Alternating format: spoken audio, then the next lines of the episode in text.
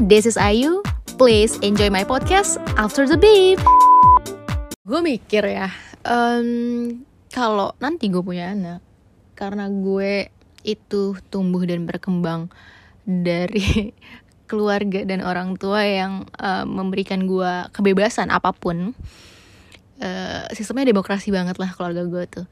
Uh, cuma gue kayak uh, saking bebasnya, gue tuh nggak tahu kayak arah gue mau ke mana gitu uh, eh, gue menentukan pilihan gue sendiri. Saking saking bingungnya gitu dari kecil gue sudah di develop seperti itu. Jadi gue bingung gitu loh kayak uh, apa yang harus gue pilih? Apakah gue harus ngikutin? Kan kita kan patternnya kan melihat uh, apa yang kita lihat gitu. Kita mempraktekkan gitu kan anak kecil kan gitu. Nah gue ngeliat bokap gue nih orang politisi nih. Bokap gue uh, ini nih uh, senang banget belajar sesuatu nih. Bokap gue sangat uh, apa ya terstruktur gitu orangnya. Nyokap gue nih lebih logo nih empatinya tinggi banget nih. Uh, nyokap gue nih orangnya suka sosialis sosialisasi nih. Bokap gue tuh lebih yang kayak introvert tegas lalala gitu gitu kan.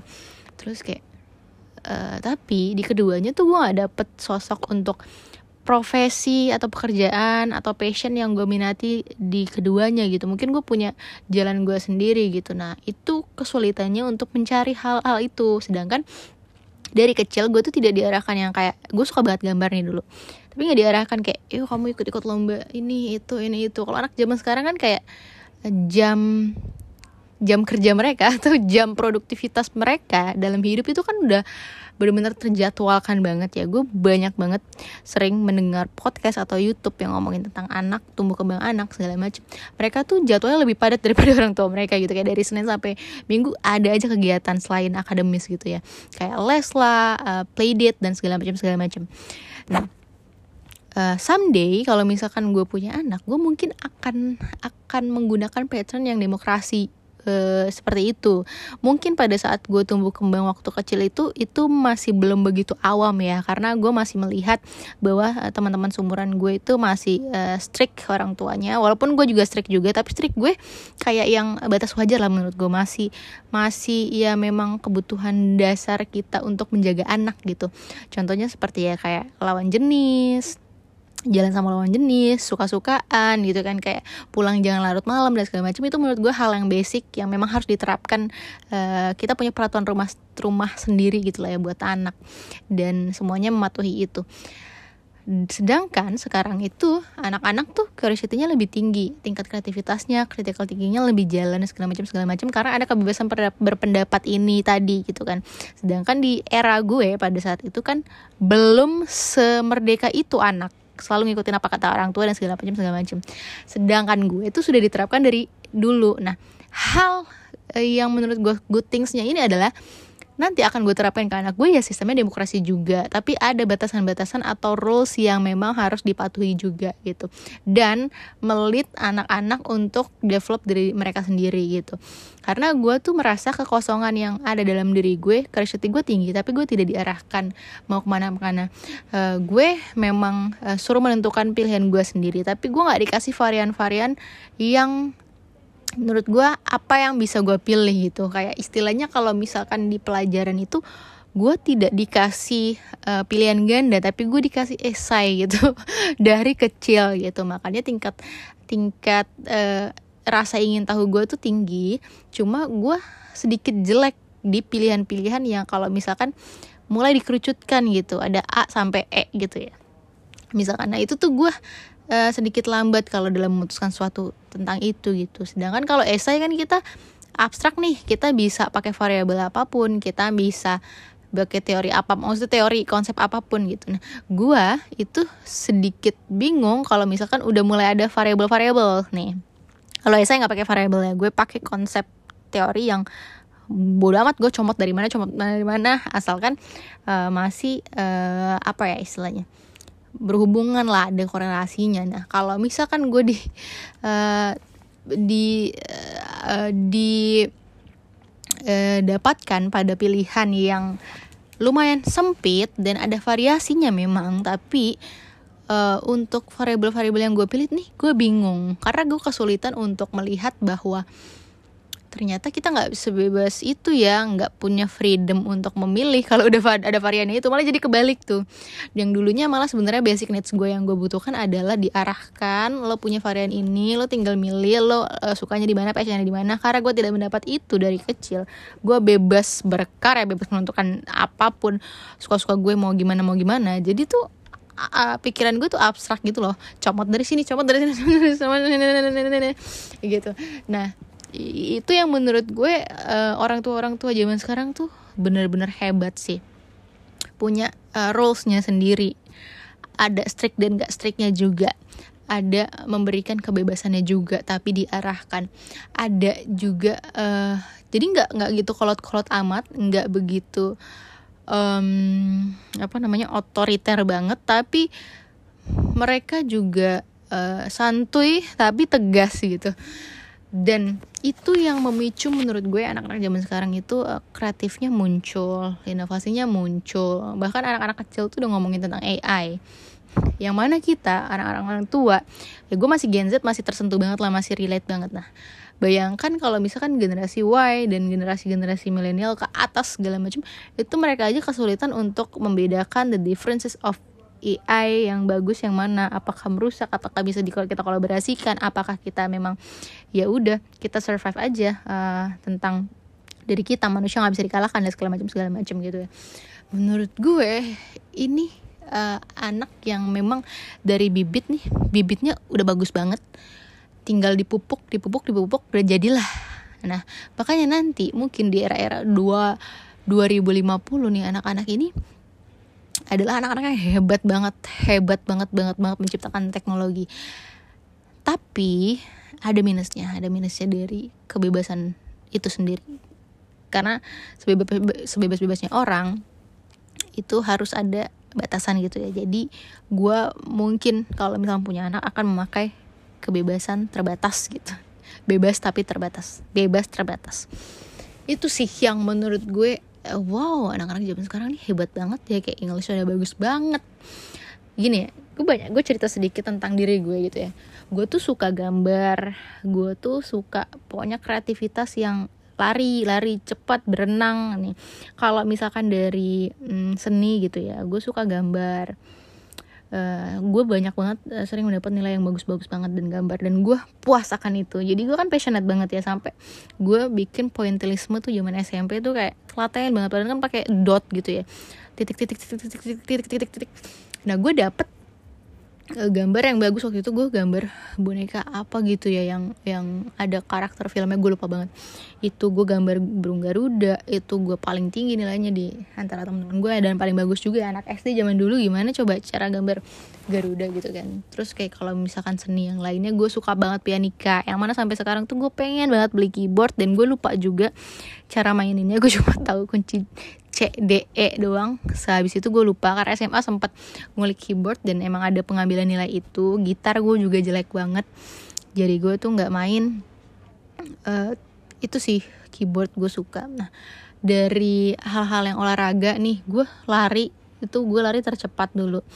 Terus gue juga suka banget berenang. Berenang ini sebenarnya gue punya trauma sendiri karena gue pernah tenggelam di banjir gitu ya anak umur 5 tahun dan gue selamat karena dijambak. Jadi rambut gue tuh rontok semua. Tapi dari situ gue bukannya jadi traumatis jadi yang tidak mau berenang malah gue kayak curiosity gue tinggi nih. Gue pengen banget jadi bisa berenang. Gimana caranya kalau misalnya gue tenggelam gue jadinya bisa survive gitu. Nah gue belajar berenang. Sampai gue kelelap kelelap segala macam zaman dulu tuh bulungan hits banget ya. Uh, kolam renang bulungan dari jelek banget. Sampai sekarang mungkin udah bagus kali ya gue kurang tahu juga itu gue senang banget kalau misalkan berenang. Uh, terus habis itu kalau misalkan berpikir gue dulu orang introvert dan sering dibully itu ya cukup cukup panjang perjalanan gue dibully. Jadi gue sempat uh, berdiam diri sendiri nggak bisa sosialisasi, sosialisasi segala macem. Itu yang membuat gue matematika gue dan nulis gue cepat gitu. Nulis gue cepat itu gue baru sadar bahwa uh, jadi kalau misalnya nyatet sesuatu SD itu uh, orang yang bisa selesai duluan nyatetnya cepat jadi dia bisa cepat pulang. Nah mungkin motivasi gue pada saat itu adalah gue pengen cepat pulang karena gue orangnya introvert. Uh, biar gue nggak diajak teman-teman gue untuk main karena anak-anak SD itu biasanya selalu selesai sekolah dia tuh main di sekolah itu sampai sore gitu ya main galaks galasin uh, main karet segala macam nah sedangkan gue kan orang yang termasuk kategori dari TK tuh dibully. Jadi gue tuh kurang seneng gitu bersosialisasi. Gue kurang seneng berhadapan-hadapan sama orang canggung uh, terus gue juga nggak seneng basa-basi orangnya segala macam jadi motivasi gue adalah gue pulang cepet karena gue juga dijemput dan uh, time management uh, on time banget nih bokap gue sama nyokap gue kalau jemput soalnya gue punya isu selalu kesesipan jalan kalau bokap gue atau nyokap gue jemput gitu. Jadi kayak gue tuh nggak suka banget nunggu orangnya. Orangnya hostile dari dulu. Jadi kalau misalkan nggak ada di depan gerbang gitu gue anggapnya nggak dijemput gitu. Padahal cuma selesai waktu berapa menit gitu. Nah gue tuh kayak eh, biasanya jalan aja. Jalan tiba-tiba ntar sampai rumah. Padahal itu jauh. Atau gue jalan ke uh, tempat stopan uh, mikrolet gitu ya atau angkutan umum gitu. Gue naik angkutan umum gitu.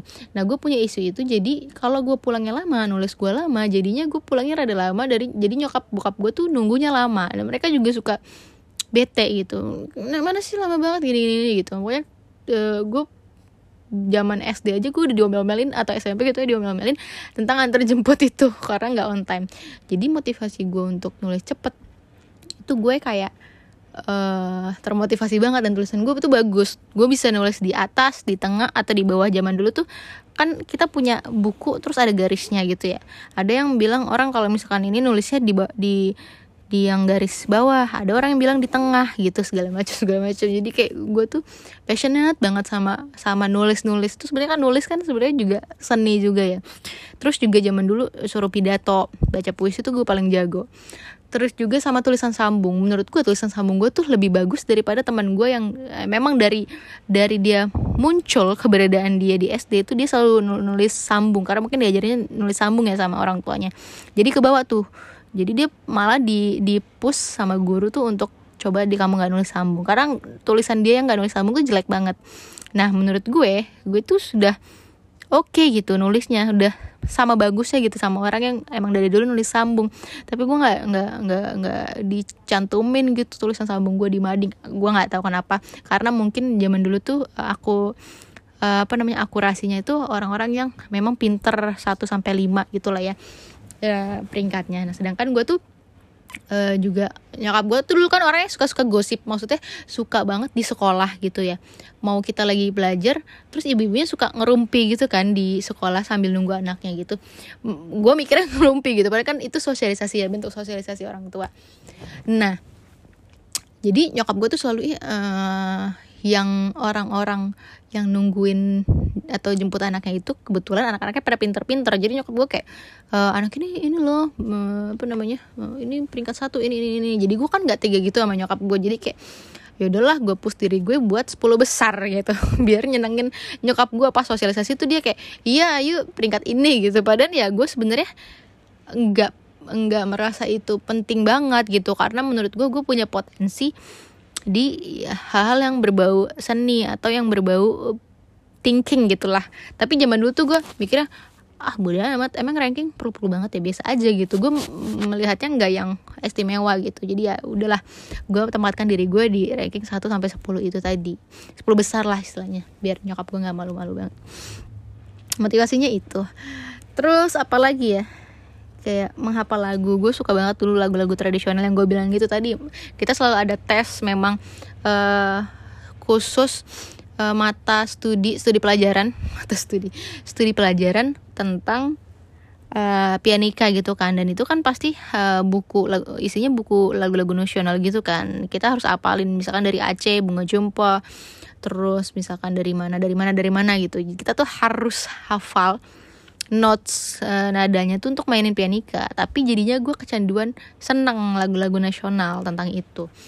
Itu sih beberapa hal yang gue suka banget. Dan gue baru realize nya waktu gue gede. SMA pun gue nggak sadar. Kuliah pun gue nggak sadar. Kuliah tuh lebih gue lebih mengasah critical thinking gue cara berpikir gue, logik gue, gimana representatif orang-orang, gimana uh, persepsi orang-orang yang lain uh, point of orang point of view orang lain daripada point of view gue kan karena bisa aja kan puff gue tuh beda sama orang lain. Gue lebih ke akademisnya uh, thinking lah. Nah sekarang setelah gue kuliah lagi dan gue kerja gue baru uh, berpikir kenapa gue itu istilahnya bisa semuanya gitu kayak yang karya seni yang tadi gue jelasin segala macam tapi gue setengah-setengah banget nggak pernah sampai fully nggak pernah sampai mentok nih gue wow di di berbagai tempat. Ya itu karena tadi ada kebebasan itu terus nggak tahu arahnya nggak delete uh, sampai mana sampai mananya. Jadi kayak comot ini suka ini ya pelajarin ini ini ini. Kalau bosen udah gitu. Nggak ada achievement yang gimana gimana itu yang gue mau terapin ke anak gue yang mana kalau misalkan memang lo mau misalkan jadi aktivis lingkungan ya lo total di situ. Kalau misalkan mau jadi juru masak ya lo jadi chef gitu. Kalau lo mau jadi atlet atlet apalah pelari atau renang atau apa apa ya, terserah dia apa yang dia suka sampai mentok gitu. Nggak apa-apa juga nggak menguasai semuanya tapi menguasai satu bidang yang bener-bener kalian suka dan kalian oke okay di di hal tersebut itu sih uh, refleksi ke diri gue yang kenapa diri gue kentang banget hidupnya dan nggak wah-wah banget pinter juga enggak gitu. Cuma punya basic berpikir ya emang dari dulu uh, dibebaskan akan hal itu. Jadi gue ber berasa bahwa oh achievement gue waktu itu kalau dari berpikir gue bisa ngedebat bokap gue gitu. Emang basicnya anaknya galak dan grumpy aja sebenarnya. Tapi kayak bokap gue tuh selalu kalah sama gue mungkin karena gue anak perempuan gitu ya tapi belakangan hari pas gue gue kuliah tuh bokap gue mulai keras gitu sama gue mungkin karena udah merasa bahwa gue udah gede udah bisa berpikir dan segala macam segala macam. Sampai di akhir bokap gue juga meninggal dia bilang ayo udah dewasa ya ayo udah ngerti gitu. Karena waktu itu uh, mereka adalah masalah kan uh, bokap nyokap gue masalah dengan mungkin orang lain. Dan gue nanggapinnya santai banget kayak gue ketawa doang.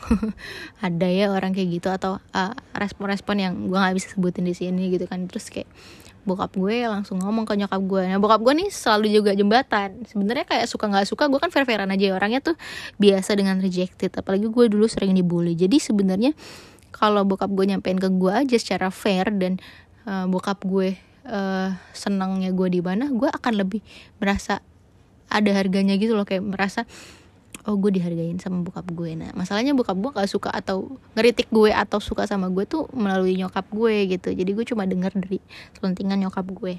Jadi ada bad cop dan good copnya gitu. Nyokap gue di sini tuh good copnya banget. Kayaknya menurut gue emang bokap gue menciptakan itu. Biar aja nggak apa-apa gue jadi bad copnya. Yang penting anak gue tuh uh, ngerti gitu. Nah itu pada saat itu bokap gue ngomong ke nyokap gue kalau Ayu ternyata udah dewasa ya gitu. Menanggapi hal-hal yang enggak sesuai kemauan dia atau sesuai kepentingan dia gitu. Bokap gue akhir-akhir ngomong kayak gitu. Terus juga uh, teman-teman bokap gue ya yang pada ke rumah dia bilang iya loh mbak Ayu uh, apa namanya ayahanda tuh sering cerita ke saya gitu tentang mbak Ayu banyak banget gitu sambil senyum gitu kayak. Dan gue sebenarnya kepo banget kan saking keponya gue kayak gue senyum doang gitu. Karena menurut gue gue tuh punya hate love relationship sama bokap gue ya. Lebih banyak sepanjang hidupnya gue hate sama beliau. Tapi sebenarnya mm, secara nggak sadar waktu itu gue ngobrol sama temen gue gitu. Oh dia role model lo ternyata gitu. Lo inspire lo dari dia dan segala macam segala macam. Ternyata gue baru rilis oh iya juga ya gitu. Banyak banyak hal yang menurut kita menyakitkan padahal at the endnya kita paham maksudnya juga gitu. Karena karena ada perbedaan pemikiran pengalaman segala macam segala macam ya get uh, gap generation itu tadi. Jadi yang membentuk sebenarnya tujuannya sama. Kita saling paham dan mengerti. Coba kita bingung aja cara menyampaikannya gitu. Nggak sampai ke penerimanya. Nah sampainya pas nanti mungkin kata orang lain kata orang lain kata orang lain gitu. Itulah serba-serbi yang menurut gue kayak uh, susah ya punya anak zaman sekarang gitu. Susah juga ya jadi orang tua zaman sekarang gitu. Um, jadi gue banyak belajar sih. Gue mempelajari tentang anak SMP dari SMP lu bayangin gue tuh passionate banget kayak punya anak gitu. Dari SMP tuh soalnya guru BK gue tuh sering cerita kan ya saya punya anak ya anak saya tuh uh, punya anak berbeda-beda dari bawah ke atas dia beda rambut beda nah, anduk buat badan beda jadi dia punya tiga anduk gitu sekali mandi. Itu sampai gue inget gitu kayak oh gue akan terapin nih ke anak gue kalau misalkan anak gue resikan banget. Nah gue kan tipe anak yang resikan banget karena dari dulu tuh nyokap gue sering uh, bilang kalau kamu jangan mau uh, minum bekas orang atau makan punya orang. Istilahnya nyokap gue tuh sebenarnya nanamin pemikiran bahwa gue tuh nggak boleh celamitan jadi anak celamitan. Karena zaman dulu waktu zaman SD gue sampai SMP sampai SMA banyak banget anak-anak yang celamitan. Mungkin ya sebenarnya mereka ya sering bersosialisasi juga aja jadi merasa deket dan ya minta satu sama lain kan sebenarnya nggak masalah. Nah masalahnya gue nih anak yang kurang sosialisasinya dari dulu sebenarnya itu membangun gue menjadi anak yang tidak celamitan. Terus kedua uh, biar gue menjaga kebersihan gitu nggak minum satu gelas sama orang lain segala macam. It dan itu kebawa sampai sekarang. Dan nyokap gue selalu ngoceh juga kalau misalkan kenapa sih kamu dilap-lap kalau misalkan habis mau minum? Loh mama loh yang ngajarin Ayu bahwa Ayu itu tidak boleh minum bekas orang lain tapi nggak bekas orang tua juga kalau nggak mau. Ya itu karena udah kebiasaan. Gue nggak tahu itu bisa dibilang habit yang buruk atau tidak tapi bener uh, one moment gue pernah inget banget uh, makan di Burger King Tebet sama teman-teman kuliah gue. Kita hang out dan minuman gue tuh diobok-obok di uh, bikin bubble-bubble gitu loh kayak di tiup-tiup segala macem. Nah, gue ke toilet. Terus habis itu gue minum lah terus mereka pada ketawa. Terus dikasih tahu kenapa mereka pada ketawa ngakak-ngakak segala macem. Gue sampai ngelempar bangku loh mau ngebalikin meja gue marah banget marah besar sama mereka karena hal konyol yang mereka lakukan. Karena itu menurut gue adalah poin dasar atau hal-hal dan gue orangnya uh, mungkin karena uh, semau maunya hidupnya jadi um, cukup baperan juga mungkin ya. Ketersinggungan tingkat ketersinggungan gue tuh tinggi.